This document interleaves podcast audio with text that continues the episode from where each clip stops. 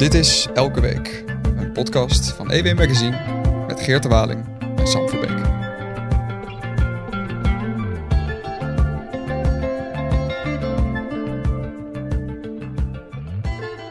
Goedemiddag Geert.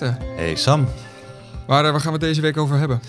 Nou, eerst waar we het niet over gaan hebben, want de Provinciale Statenverkiezingen staan voor de deur. En ik erger me dood aan alle partijen die het weer op de landelijke politiek betrekken. En alle poli- politici, partijleiders die dan weer andere partijen gaan uitsluiten zogenaamd. En straks weer aan die onderhandelingstafel zitten. Daar gaan we het niet, vandaag niet over hebben, gelukkig. Die frustratie is te groot, maar wel komende week met Roelof Bouwman gaan we daar een gesprek over voeren. Maar waar we het wel over gaan hebben, en daarvoor hebben we twee van onze aardige collega's hier, zijn namelijk de echte Provinciale Statenverkiezingen, dus de provincies. Ja, en onze collega's hier zijn Gertjan van Schoonhoven en Victor Pak. Twee ehm, goed ingevoerde redacteuren van EW eh, op het gebied van provinciale politiek. Klopt, eh, wij hebben natuurlijk eh, vanaf Elsevier, vanaf begin van het jaar, elke week stukken gebracht over de Provinciale Statenverkiezingen. Ik denk dat de lijn, in de lijn al van der verwachtingen al lag dat de landelijke politiek zich er erg, erg tegenaan zou bemoeien. En daardoor hebben we in het blad hebben ervoor gezorgd dat er in ieder geval de problemen in de provincies, dat die ook naar voren zouden komen. Ja, er zijn twaalf hele mooie stukken verschenen, hè, afgelopen twee maanden, tweeënhalve maand. Gert-Jan, en welkom trouwens heren. Dank je, Geert. Dank je. Dat mensen ook echt geloven dat jullie hier zijn. Eh, We zijn hier echt. Eh, ja, jij hebt, eh, Gert-Jan, jij hebt een mooi stuk geschreven dat eh, verscheen rond de jaarwisseling al over Groningen. Klopt, ja. Waar jij ook zelf vroeger twintig jaar hebt gewoond, maar waar jij vooral als journalist erg veel volgt. Ehm, het aantal van de thema's eh, die wij gaan bespreken komen eigenlijk allemaal in Groningen samen. Dus daar gaan we het zeker zo over hebben. En Victor, je hebt je vastgebeten in twee provincies, eh, Zuid-Holland en Zeeland. Dat klopt, ja. En die hebben, daar hebben wij, Sam en ik, met, ook eh, met veel genoegen jouw artikelen erover gelezen. En eh, ehm, daar zien we eigenlijk een spiegel van twee verschillende, hoe twee verschillende provincies twee vers- op verschillende manieren reageren op dezelfde problematiek. Wat zijn eigenlijk de thema's die we bespreken, Sam? Want jij hebt een, mooi lijstje volgens mij. Nou, ik heb de, de stukken over de verschillende provincies heb ik doorgenomen. En ehm, er komen. Kijk, het is, natuurlijk zijn er eh, thema's die in verschillende provincies allebei wel voorkomen. Maar in deze, deze statenverkiezingen lijkt het eigenlijk allemaal terug te komen op vier eh, thema's die een beetje in elkaar vouwen. Dat zijn natuurlijk de ruimtelijke vraagstukken. In eh, Noord-Holland, Zuid-Holland en Utrecht zie je dat dat ja, vraagt om snelwegen, infrastructuur en dat soort dingen. Ehm, maar in, ehm, meer in de regio zie je dat het ga- kan gaan. En dat zien we ook bijvoorbeeld ook in Zeeland over eh, voorzieningen zoals openbaar vervoer. Ja. Ehm, natuurlijk moet het eh, woord vallen stikstof. Stikstof, ja hoor, Onvermijdelijk. Ja, genoteerd. Ehm, dan eh, ja, de- de oude gouden waar we het vorig jaar, of, vorige week ook over gehad hebben. De kloof tussen de Randstad en de regio. Ja. En eh, verder, en de, want die vind ik dat ik er wel bij moet zeggen. Erik die heeft een mooi stuk geschreven over hoe het gaat in de raad bij, eh, bij Limburg. Ehm, In de Provinciale Staten. Provinciale Staten, ja. eh, Erik over- Vrijzen. Ja. de, de eh, protestpartijen. Ehm, en je merkt het al eigenlijk, al deze thema's die vouwen heel erg in elkaar. Ehm, Wie, wie reken jij allemaal tot, tot eh, protestpartijen? Dat is Nou, misschien even goed om te weten. Erik, eh Erik Vrijzen die heeft eh, een stuk geschreven over hoe dat dan gaat in Limburg. Vooral met alle afsplitsers van, eh, van FVD. Forum, ja. maar ook ehm, dat sinds de PVV eh, er in Limburg is, dat, eh, eh, dat die daar toch een grote rol spelen. En dan is er toch ook nog de vraag in hoeverre eh, de boer-burgerbeweging wordt gerekend tot protestpartij.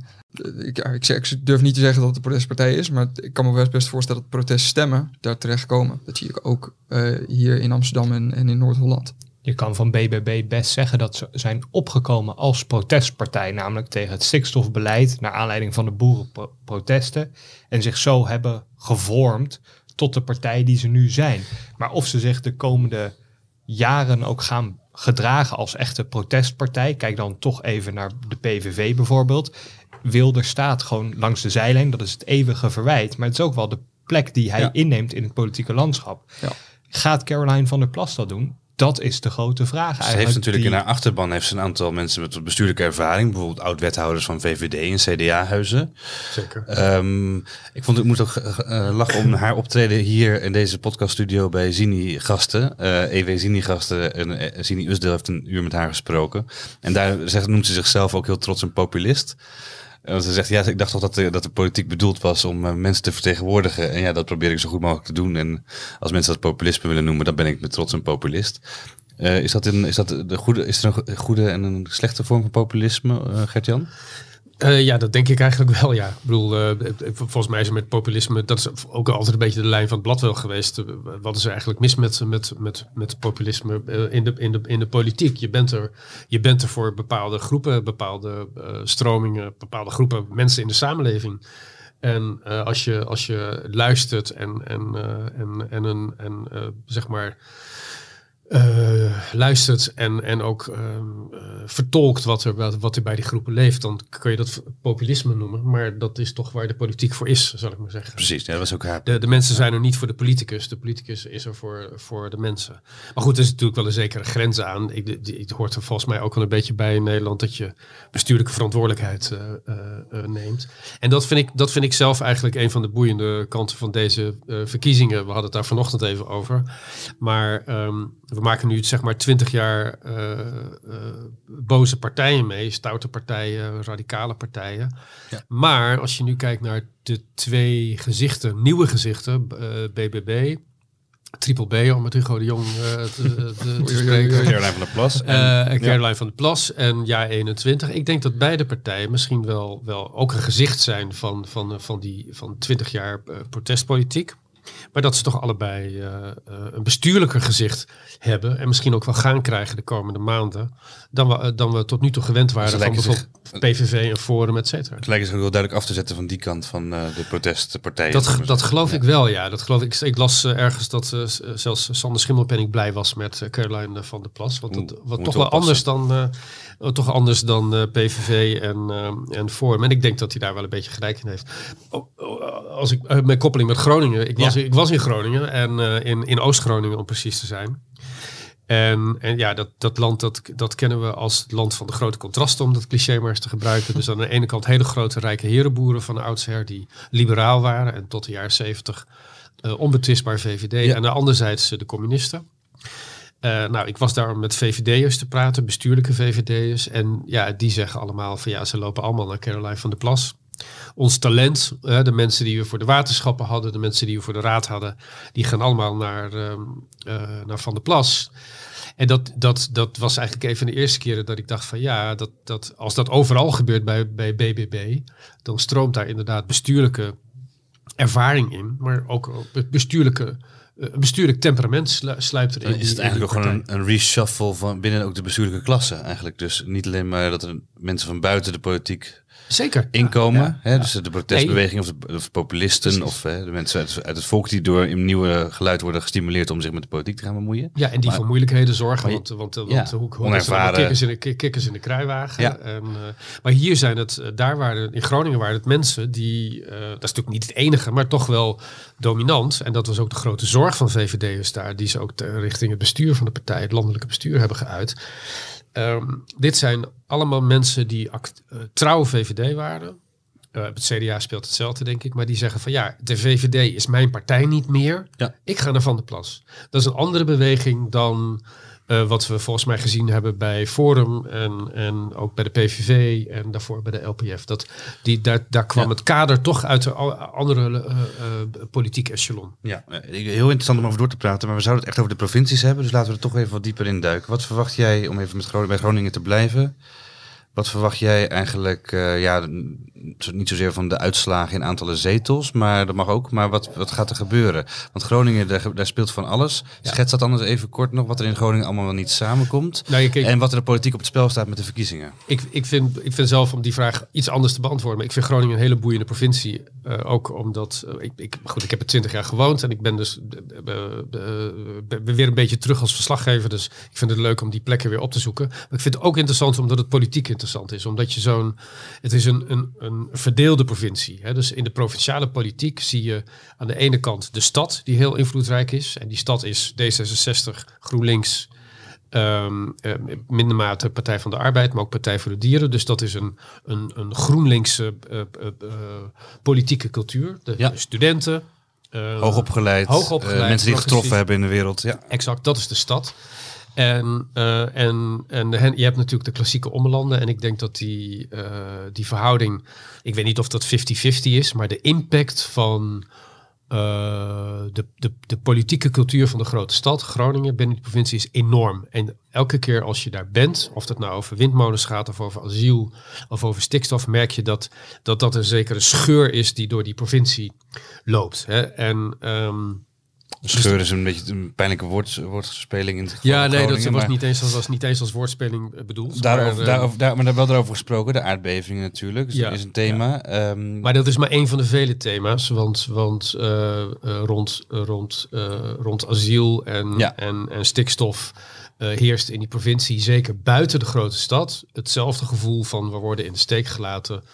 Eh, we zijn een windgewest, we doen Ja, er niet echt toe, we liggen Het ver gevoel weg. dat je ver weg bent van Ja. Den Haag, van waar er wordt beslist op landelijk niveau. Ja, maar het, dat is de ene kant. En de andere kant is dat wel veel van de weer, neerslag van die politieke beslissingen wel in hun achtertuin terechtkomen.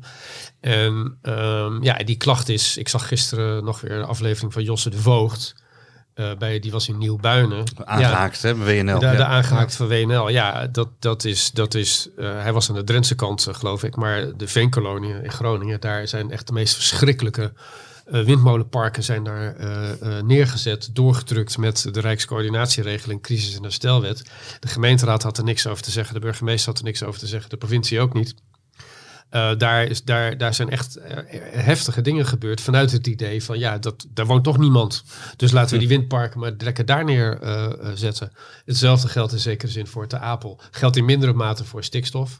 Maar voor die twee en, en de bevingen, dat zijn... Maar Mag ik iets vragen dan? Natuurlijk. Eh, want eh, de- ik, ik dacht een beetje dat die problemen waar Groningen tegenaan loopt, die zo pan-Gronings zijn, dat die zeg maar zo erg heel Groningen raken, dat daarmee misschien ook wel een soort politieke eenheid gesmeed zou worden. Maar de- jij ziet juist een, een scheuring tussen stad en platteland, Ja. meer dan er vroeger al dat, gebruikelijk dat, was. Dat is goed dat je, ja, want ja, ik denk dat die provincie, wat ik me van vroeger herinner, werd dat toch een beetje door, wel bestuurlijk wel bij elkaar gehouden door bijvoorbeeld de Partij van de Arbeid. Ja. Hè, want die was zowel in de stad groot als, eh, als, eh, als op het platteland. En hetzelfde geldt voor de VVD. Iemand als Johan Remkes, toen ik in de journalistiek begon, was Johan Remkes, rookte die als check en was die gedeputeerde van Financiën in, ehm, in, eh, in, in Groningen. Hij was zelfs toen al de baas op het, op het provinciehuis. Ik denk dat hij Tot toen- 300 jaar zo, denk ik. ja, ja, Johan, ja, precies. Johan Remkes volgt zichzelf op. Al, al eeuwenlang. Ehm, ja, dus die VVD was altijd een zware bestuurlijke factor. De Partij van de Arbeid ook. Ja, dat, en dat midden, dat, die middenkrachten zijn natuurlijk een beetje weg. Dus ik denk dat je bij de, uit, bij de uitslag van volgende week woensdag... eh, een GroenLinkse stad zal zien en een behoudende omlanden. Dus dat BBB, ja 21 denk ik eigenlijk niet. Ik vind dat niet zo'n partij voor, voor Groningen. PVV zal, zal het goed doen, maar denk ik SP ook. Waarom is eh Ja 21 geen partij voor Groningen? Omdat ik het een grote stadspartij vind. Ja, toch. Maar dat vind jij zelf. En dat, daar hadden we vorige week ook over Ja, met Carla. Joosten. Van, is dat dan inderdaad van, hè, ja, ze komen uit Rotterdam en Amsterdam. Joost Eertmans en Annabel Nanninga. eh Dirk-Jan Epping komt dan uit de Achterhoek, maar die is ook heel lang weg. Ehm, dus dat is inderdaad het probleem. wat ze- Maar ze bemoeien zich wel behoorlijk met het platteland. En ik heb eh, begrepen dat zij hun eh, verkiezingsavond vieren in Den Bosch. Dat is niet een platteland, maar wel, is wel buiten de Randstad. Overigens hebben wij op de redactie behoorlijk gelachen om de naam van de locatie waar ze dat doen. Namelijk de Azijnfabriek in Den Bosch.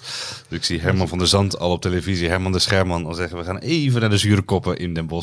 In de Als het tegenvalt, kan je dat verhaal al uittekenen. Maar je ziet wel aan Ja. die locatiekeuze, Den Bosch. Ja. Dat is inderdaad, je zegt het is buiten de Randstad, maar het is wel stedelijk gebied. Ja. En dat is wel waar bijvoorbeeld in 2019 Forum de grootste werd in Nederland, is niet per se heel stedelijk gebied. Niet per se de allergrootste steden, de grote vier of zo. Maar in de steden daartussen. Neem bijvoorbeeld een Woensdrecht of een Den Bosch in de buitenwijken Ja. van Tilburg. Almere. Daar kan je zoeken naar, en ik denk ook dat, dat dat is waar BBB hoopt te gaan scoren. Niet per se alleen maar op dat platteland, maar ook gewoon in wat eigenlijk een beetje lelijk heet de Vinex-wijken, waar op zich mensen wonen die echt, echt wel redelijk goed gaat, Ja. maar die ook serieus last hebben van het beleid, die het vervelend vinden hoe, het, hoe de woningmarkt nu op slot zit door bijvoorbeeld stikstof. En daarvan denken, hier moet ik op stemmen. En die Ja. niet per se helemaal eh, alleen maar een boerderij hebben, Ja. Maar wel het beter willen hebben. Helemaal waar. Kijken we meteen weer naar het landelijke plaatje. Gaan we terug naar de provincie. Koppel ik het even aan Zeeland. eh, van Groningen naar Zeeland. Dat lijkt ver weg, maar tegelijkertijd denk ik, eh, zeg het zelf anders Victor, maar dat er best wel wat parallellen te trekken zijn. Nou ja, die zorg, zeg maar, in Zeeland heb ik een verhaal geschreven over het openbaar vervoer. En wat uiteindelijk gaat over bereikbaarheid. Hoe kom je nog van ergens naar, naar iets anders? Of zeg zoals maar. iemand zei in jouw artikel van niks naar niks. Ja, precies. Van, van- je nergens komt, naar nergens. de, ge- de gedeputeerde Harry van der Maas van de SGP, die zei je komt van, van, van ergens naar nergens in Zeeland met het OV. En hij wil dat veranderen. Ja. En het knappe, denk ik, aan zijn plan wel is, is dat hij dat niet per se probeert met alleen maar een grote zak geld. En bijvoorbeeld de PvdA heeft voorgesteld om gratis bussen of het OV gratis te maken voor eh, minder bedeelden in Nederland. Maar op innovatieve manieren kijken hoe kom je met toch uiteindelijk met apps, digitale communicatiemiddelen, ehm, dat mensen een taxi kunnen bestellen, dat ze vervoer op maat kunnen krijgen, zodat je toch wat fijnmaziger, dat is echt een woord dat je heel veel hoort in Zeeland als je over het OV praat, dat mensen toch bereikbaar worden met dat openbaar vervoer. Want ja, veruit de meeste mensen in Zeeland hebben een auto, kunnen hun eigen mobiliteit creëren. Ja. Maar voor die groep, en dat is denk ik eigenlijk dezelfde groep die eh, dat verhaal van BBB ook aantrekkelijk vindt, die misschien niet die, die mobiliteit die openbaar is nog wel nodig heeft.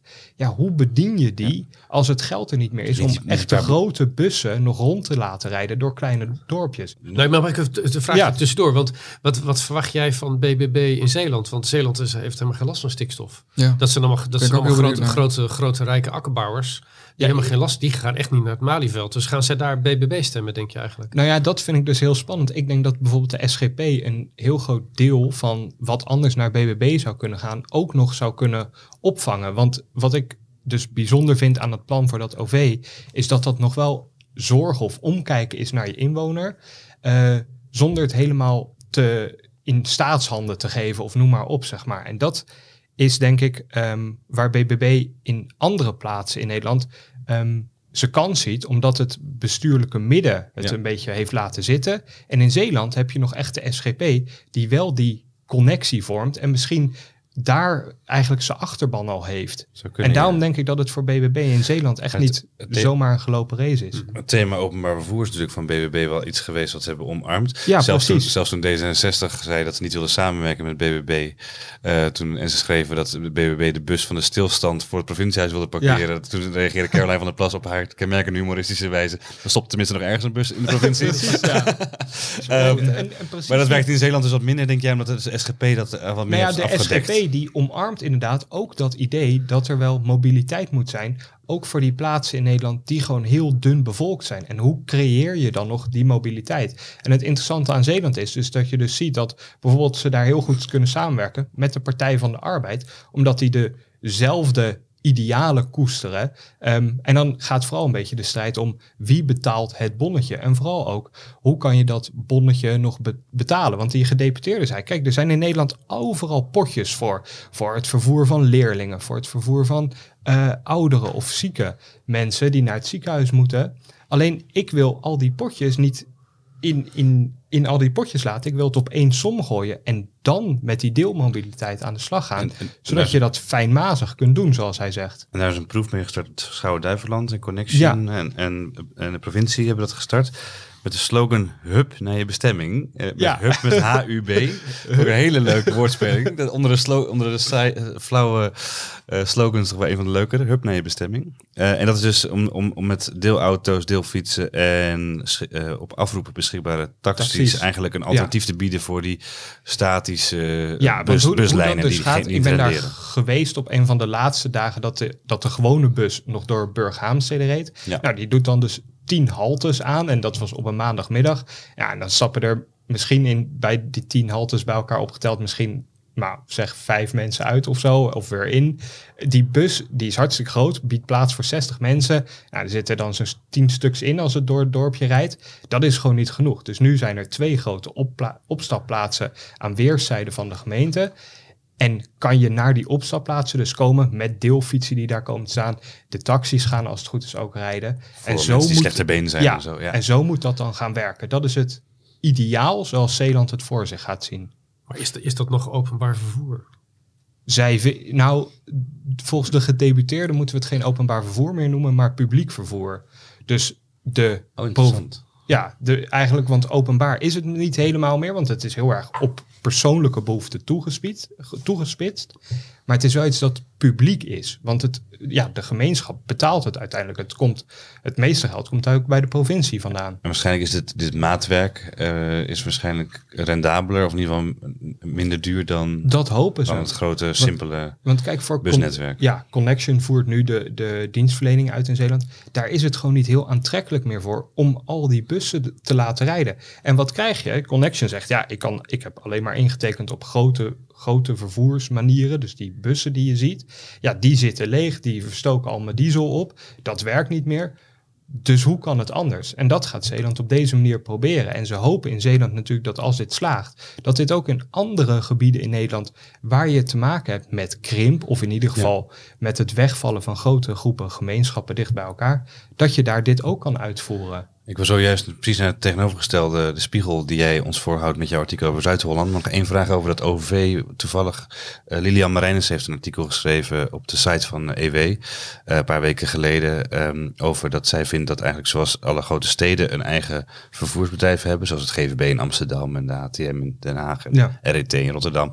Dat er ook eigenlijk in regio's weer eigen vervoersmaatschappijen moeten komen. Ja. Die semi-publiek zijn of zelfs helemaal publiek zijn. Maar die eigenlijk dit probleem gaan oplossen. Want jij noemde al Connection. Het is voor Connection niet aantrekkelijk om die lijnen daar te laten rijden. Um, en zo'n zo'n commercieel bedrijf zit dan in de problemen. Zou, Ja. zou het er niet een oplossing zijn wat zij voorstelt? Dus meer publiek, publiek genationaliseerde of geregionaliseerde vervoersbedrijven? Nou, dit past natuurlijk heel erg bij het SP-verhaal om Ja. meteen die stap te zetten. Dan allemaal maar in handen van de staat, als het ware, of van de provincie in dit geval. In Zeeland kijken ze vooral naar, kunnen we het ook toch in samenwerking met gewoon het, het bedrijfsleven, dus met Connection in dit geval, oplossen? Wat kunnen wij doen, zodat Connection straks ook meehelpt met die deelmobiliteit? En is dat dan voldoende? En ze sluiten zeker niet uit dat ze anders echt er naartoe gaan dat de provincie alles gaat verzorgen. Maar de provincie ziet ook wel dat dat niet per se aantrekkelijk is. Want dan komen ook alle risico's natuurlijk daar te liggen. Aan, aan mensen in de bus en in het openbaar vervoer geen gebrek in Zuid-Holland. Zeker niet, nee. Daar is het eerder omgekeerd. Daar zouden ze graag wat meer Zeeland eh, willen, eh, qua ruimte willen hebben misschien. Of de Zeeuwse problematiek. Eh, schets even een paar zinnen ehm, wat het probleem in Zuid-Holland is. Eh, waar de verkiezingen over gaan. Nou, Zuid-Holland is natuurlijk gewoon veel dichter bevolkt dan Zeeland. Dat is inderdaad die spiegel. En ik ben gaan kijken bij de N11 en de aansluit. Dat is een provinciale weg die van eh, Leiden naar Bodegraven loopt. En dan bij Bodegraven vertakt die als het ware naar de A12. Dat is een rijksweg, snelweg, eh, loopt dwars door het land in van Arnhem naar Den Haag. Ehm, en in dat, dat stukje bij Bodegraven, daar ehm, werkten die wegen niet goed op elkaar samen, want er mist een vertakking van de N11. Ehm, als je vanuit Bodegraven dus naar eh, Den Haag wilt, die kant op, dan kan je niet makkelijk de A12 op. Dan, moet je een stuk omrijden naar de eerst volgende een oprit. heel stuk omrijden. Nou, op Ja. wegen die volledig dichtslippen. Want Bodegraven is ontzettend gegroeid. Maar ook het nabijgelegen Alfa aan de Rijn, dat groeit natuurlijk. Die woningbouwopgave die er ligt vanuit het Rijk. Er moet flink in het groene hart gebouwd worden. Boskoop moet ook heel erg groeien.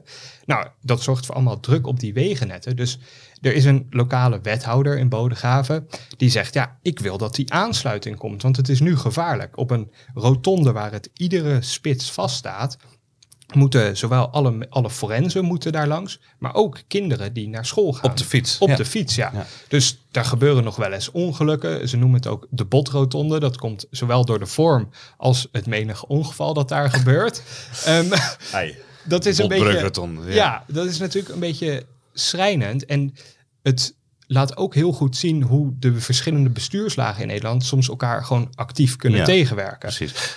En voor de, voor de provinciale staten dacht jij, dit is het thema wat eigenlijk, of dit, dit laat zien, dit kleine voorbeeld van deze oprit, of die ontbrekende oprit laat zien Ja. eigenlijk, waar in Zuid-Holland het, het knelt. En dan denk ik ook openbare ruimte, ruimtelijke ordening, de overvolle eh, eh, steden of stedelijke gebieden. Eh, ja, Gert-Jan, jij woont in Rotterdam. eh al een tijd. Eh, jij bent een, echt een, eh, een Rotterdammer aan het worden. jij hebt, maar jij zei, voordat we deze opname begonnen, zei jij iets van...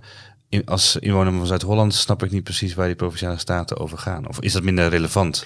Omdat dat- je in een dat- grote stad ja, woont. Dat, dat is wel een beetje zo. Nou, ik woon niet alleen in de grote stad, maar ik woon ook in, in de dichtstbevolkte provincie van Nederland. En Ja. de provincie met de meeste grote steden eh, in, eh, van, van Nederland. Hè, met, met natuurlijk Den Haag en Rotterdam, maar ook, ook Leiden, et cetera. Dus dat, het is een gewoon een voorkomen grote stedelijke, bijna verstedelijkte eh, provincie. Ja. Dus waar ik, waar ik de toegevoegde waarde, of nog voor de kritische waarde van, de, van het provinciale bestuur in Groningen, Friesland en Drenthe wel zie. hoewel daar ook kritiek op is, maar dan zie ik die rol wel. Zie ik die in Zuid-Holland eigenlijk helemaal niet. Volgens mij zijn in de praktijk de grote steden daar ook gewoon de baas. Eh, maar goed, misschien is dat mijn chauvinisme. maar Ik denk dat Nou, Abu Talib overal de baas is in, ik- eh, in Zuid-Holland. Nou ja, ik ga een heel eind mee in de zin van dat je natuurlijk kan zeggen van de grote steden in Zuid-Holland besturen zichzelf. En de provincie wordt eigenlijk al bestuurd vanuit Den Haag. En dan niet vanuit het provinciehuis, maar vanuit de Tweede Kamer en de regering. Ja. En dat is ook waar het bijvoorbeeld een stuk loopt met de ontbrekende verbinding tussen die provinciale weg en de Rijksweg. De Rijksoverheid zegt ja, ik ga niet die A12 eh, zo verbouwen, want dat ga ik pas over vijf à tien jaar doen. Dat zegt de minister gewoon in overleg jullie slikken er maar in, in die verbinding. Je moet even geduld hebben. Terwijl die provincie en de wethouder van de gemeente zegt, ja, ik wil het nu doen. Maar ja, die weg, die A12, is een rijksweg. Daar gaat de rijksoverheid over. Dus de provincie staat als het ware een beetje machteloos op te boksen om die minister in beweging te, te brengen. Maar er komen ook nog andere dingen bij. Eh, eh, er zijn nog wel tig andere bestuurslagen. Zeker in de. Hè, dus de, de- Ja. je hebt de Randstadregio, je hebt vervoersregio's, je hebt de veiligheidsregio's, je hebt de brandweerregio, maar dat is dan Nou, flauw. Maar, maar, maar waar ligt de macht in Zuid-Holland eh, eh, met zoveel, met zoveel eh, tussenliggende eh, bestuurlijke niveaus waar je niet op kunt stemmen? Hè, Ja, dus ze zijn in de praktijk heel belangrijk. Bijvoorbeeld voor, de, voor het bepalen van het, het, het aanbod van openbaar vervoer, om bij dat thema Ja. te blijven. Maar stem, maar stem ik daar wel op als ik op de provincie stem eigenlijk in Zuid-Holland? Nou ja, voor het openbaar vervoer wel, maar voor dit dus niet eigenlijk. En je ziet inderdaad, waar ligt die macht? Die wethouder werkt dus natuurlijk samen met de omliggende gemeente, ook in een speciaal samenwerkingsverbandje, Ja. om die mobiliteit van het Groene Hart op de kaart te zetten. En dan niet eens zozeer op de kaart voor de provincie, want in het provinciehuis weet ze het wel ongeveer, maar vooral richting de Tweede Kamer. Ik sprak een eh CDA, een pro- provinciale statenlid, die zegt, ja, ik belobby vooral mijn Tweede Kamerfractie van het CDA, dat ze hier aandacht voor blijven vragen op landelijk niveau. Oh, wacht. Dus het is eigenlijk geen politicus, maar een lobbyist voor de provincie. Eh, Ja, als het ware wel, ja. Ja, en dat, dat zie je dus in, in een provincie als Zuid-Holland, waar inderdaad de landelijke overheid eigenlijk veel meer invloed heeft. En het provinciebestuur zit ook in Den Haag. Dus dat zit, Ja, zit ook dat vlakbij, dubbelt. vlakbij Ja. het parlement natuurlijk. Maar, maar dit vind ik best belangrijk. Dit is wel best een belangrijk thema, vind ik eigenlijk. Want als je, ehm, eh, als ik, me, als ik mij probeer af te vragen van waarom, om het maar even gechargeerd te zeggen, waarom is Groningen altijd de klos? Hè? Dan denk ik toch dat het ook te maken heeft met, eh, met, met gebrek aan vertegenwoordiging in Den Haag. Hè, Ja. Dus, dus ehm, eh, stel, dat je, eh, sterkere, stel dat je een sterkere regionale vertegenwoordiging in de Tweede Kamer zou, zou hebben, dan was het misschien wel eerder zo geweest dat bottom-up de, de, de bezwaren van de Groningen bevolking in Den Haag terecht waren gekomen. En dat is natuurlijk nu niet gebeurd. We hebben heel erg een top-down politiek. En die, wordt, die politiek wordt voor een deel ook alleen maar sterker top-down. En daar is geen tegenwicht. Want die, die burgemeesters en die commissarissen, die, of het is hun rol om, om, om Den Haag te vertegenwoordigen, of je hebt collegiaal bestuur. Dat vind ik wel eens wat. Dat zit eigenlijk scheef, vind ik, in de, in de bestuurlijke verhoudingen in, eh, in eh, Nederland. Dus dat, dat slecht van beneden af naar boven komt wat er speelt in een provincie, wat er lokaal, eh, lokaal speelt. Dat zie je de afgelopen tijd natuurlijk. De toeslagenaffaire wordt daar ook als groot voorbeeld van, van genoemd. En ik denk dat dat inderdaad een, een makke is van hoe Nederland op dit moment bestuurd wordt. En uiteindelijk, als je naar een schuldige wilt wijzen daarvoor, dan kom je eigenlijk uit bij politieke partijen. Je ziet ook aan het CDA dat die steeds minder waarde zijn gaan hechten aan die echte stemmenkanonnen binnen de partij. Die op lokaal niveau, dus of het nou in de Achterhoek was, en dan Ja. kijk ik even naar Pieter Omtzigt, Ja, of. Martijn van Helvert in Limburg, die daar ja, ja. heel sterke eh, binding had ehm, met, met een regio. Inderdaad, Twente moest ik zeggen. En dat, dat Achterhoek trouwens ook bij Ja. opzicht, allebei. Nee, maar je hebt gelijk, zeg maar. En da- daar gaat het natuurlijk eigenlijk mis dat partijen dat soort ehm, Ja. Kamerleden met een echt eigen achterban steeds minder waarderen. Terwijl die Kamerleden juist heel veel kunnen doen voor hun streek, maar ook voor hun provincie. Dat. Dat, dat, dat speelde bij, toen ik in Oost-Groningen was, was dat ook de klacht. De, de VVD had vroeger een, een, een, een partijbaronde structuur die veel meer bottom-up was dan de huidige partijstructuur. Ja. Dus waar ze in de VVD, ik, ik, was, ik heb eh, uren op de kamer van de fractieleider daar, Erik-Jan Bennema gezeten. Ontzettend leuke kerel, komt uit een grote boerenfamilie. Al 200 jaar, eh, 300 jaar zit zijn familie in het bestuur eh, af, afwisselend. Maar hij zegt, dat kaartje van Christiane van der Wal, verbijsterend dat niemand in de VVD er even aan heeft gedacht om dat terug te koppelen naar eh, de, de VVD, de eigen partijgenoten in de provincie. Ja, waar dus dat zegt iets over, ja. over het centraal geleide van de, van de, van de, van de, van de politiek. Hoe denk je dat dat komt dan? Want wanneer is dat dan ingezet bij de VVD? Ik heb een idee, eh, overigens, misschien dat jij het mee eens bent Gert-Jan, maar die kamercentrales zijn op een gegeven moment afgeschaft en hebben ze regio's van gemaakt bij de VVD. Dat En betekent deelregio's, ja. Een deelregio, dat betekent dus dat ze veel, veel meer gecentraliseerd en veel meer eh, een soort schaalvergroting hebben doorgemaakt binnen hun achterban. Waarbij geen natuurlijke oude eh, clubjes meer waren, zeg maar. Die werden eigenlijk opgeheven en die werden in grotere verbanden gegoten. Dat is allemaal gebeurd eigenlijk in de beginjaren van Rutte als premier, denk ik, hè, rond na 2010. Ja.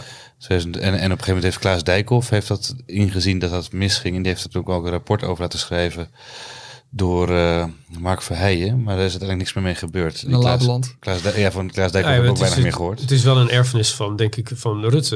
De- Ja. de- het- in, eh, in die zin dat, dat de VVD in die periode een geoliede bestuursmachine is eh, geworden. En, en, en, die- en, de, en de partijcongressen werden festivals. En, ja. Is dat een vanzelfsprekend gevolg van, van lang besturen? Dat je op een gegeven moment geïsoleerd raakt? Nou, niet, niet alleen natuurlijk. Want, je moet, want het is natuurlijk ook zo dat veel van die onderwerpen waar we het nu over hebben, die, en die bij kiezers enorm leven, eh, eh, we noemen ze allemaal weer op, asiel, stikstof, eh, eh, ruimtelijke ordening, Ja. eh, energie, dat zijn, dat zijn transnationale, na- transnationale eh, natuur, transnationale onderwerpen.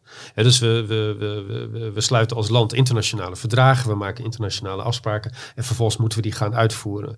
Dus we hebben natuurlijk steeds meer kwesties eh, die, die uitgerold moeten worden over het, over, het, over het land. En dat betekent dat, dat de, de stem die je daar lokaal eh, over hebt, over die onderwerpen, ja, dit is bijna noodzakelijkerwijs, wordt die stem steeds, steeds kleiner. En dat gevoel hebben mensen ook, dat ze geen controle meer hebben over die grote, die grote issues. Dat is natuurlijk een belangrijke aanjager van maatschappelijk ongenoegen op dit moment. Dit is een echt een heel boeiend thema om nog een keer wat langer in deze podcast ook over te praten. Maar we mogen ook niet te veel van jullie tijd opsnoepen, want we nemen het op op een dag vol vergaderingen en verplichtingen. Dus maar mag ik een laatste vraag aan de orde stellen? We hebben het gehad over Groningen, we hebben het gehad over eh, Zeeland en over Zuid-Holland. De verkiezingen, provinciale statenverkiezingen. Als mensen deze podcast nog horen voor de verkiezingen, dat is nog een week. Ehm, wat kunnen ze stemmen? In Groningen hebben we het gehad. Je kunt eh, op het platteland wonen en in de stad heb je twee verschillende perspectieven. En ook waarschijnlijk stem je naar verschillende partijen. We hebben het gehad in Zeeland over eh, SGP, die eigenlijk misschien daar wel de rol van BBB inneemt als het gaat om de bereikbaarheid, openbaar vervoer. Dat dat in ieder geval een thema is wat eh, door Victor op de agenda is gezet. Of in ieder geval is in Elsevier op de agenda is gezet, maar dat eh, wat, wat sowieso op de agenda staat. Ehm, in Zuid-Holland, als eh, ik in Zuid-Holland woon, dan ben ik volgens mij de, samen met Sam dan de enige. We zijn, wij wonen niet in Zuid-Holland, maar jullie wel. Wat, wat, waar kijken jullie naar? Of waar moet een gewone gemiddelde luisteraar, lezer van EW in Zuid-Holland naar kijken als die gaat stemmen? Is dat voor die afrit, oprit op de, naar de A12? De Is dat Bodegravenboog. en wat stem je dan? Wat zijn, de, wat zijn de keuzes? Ja, als je, als je daar echt naar kijkt, dan kom je dus uit op partijen die goed zijn in het belobbyen in de Tweede Kamer. En daar iets op de eh, agenda krijgen. En dan kom je snel uit bij de huidige coalitiepartij in de Tweede Kamer. Maar dat is natuurlijk heel gek. Meer nog dan eigen plannen voor de provincie. zeggen, Ja. Als je het zo hebt over de provincie. En andere situatie is natuurlijk de woningnood in Zuid-Holland, die heel hoog is. Ja. ja en da- dan kom je misschien zelfs wat linkser uit, omdat die daar wat meer vaart mee willen maken.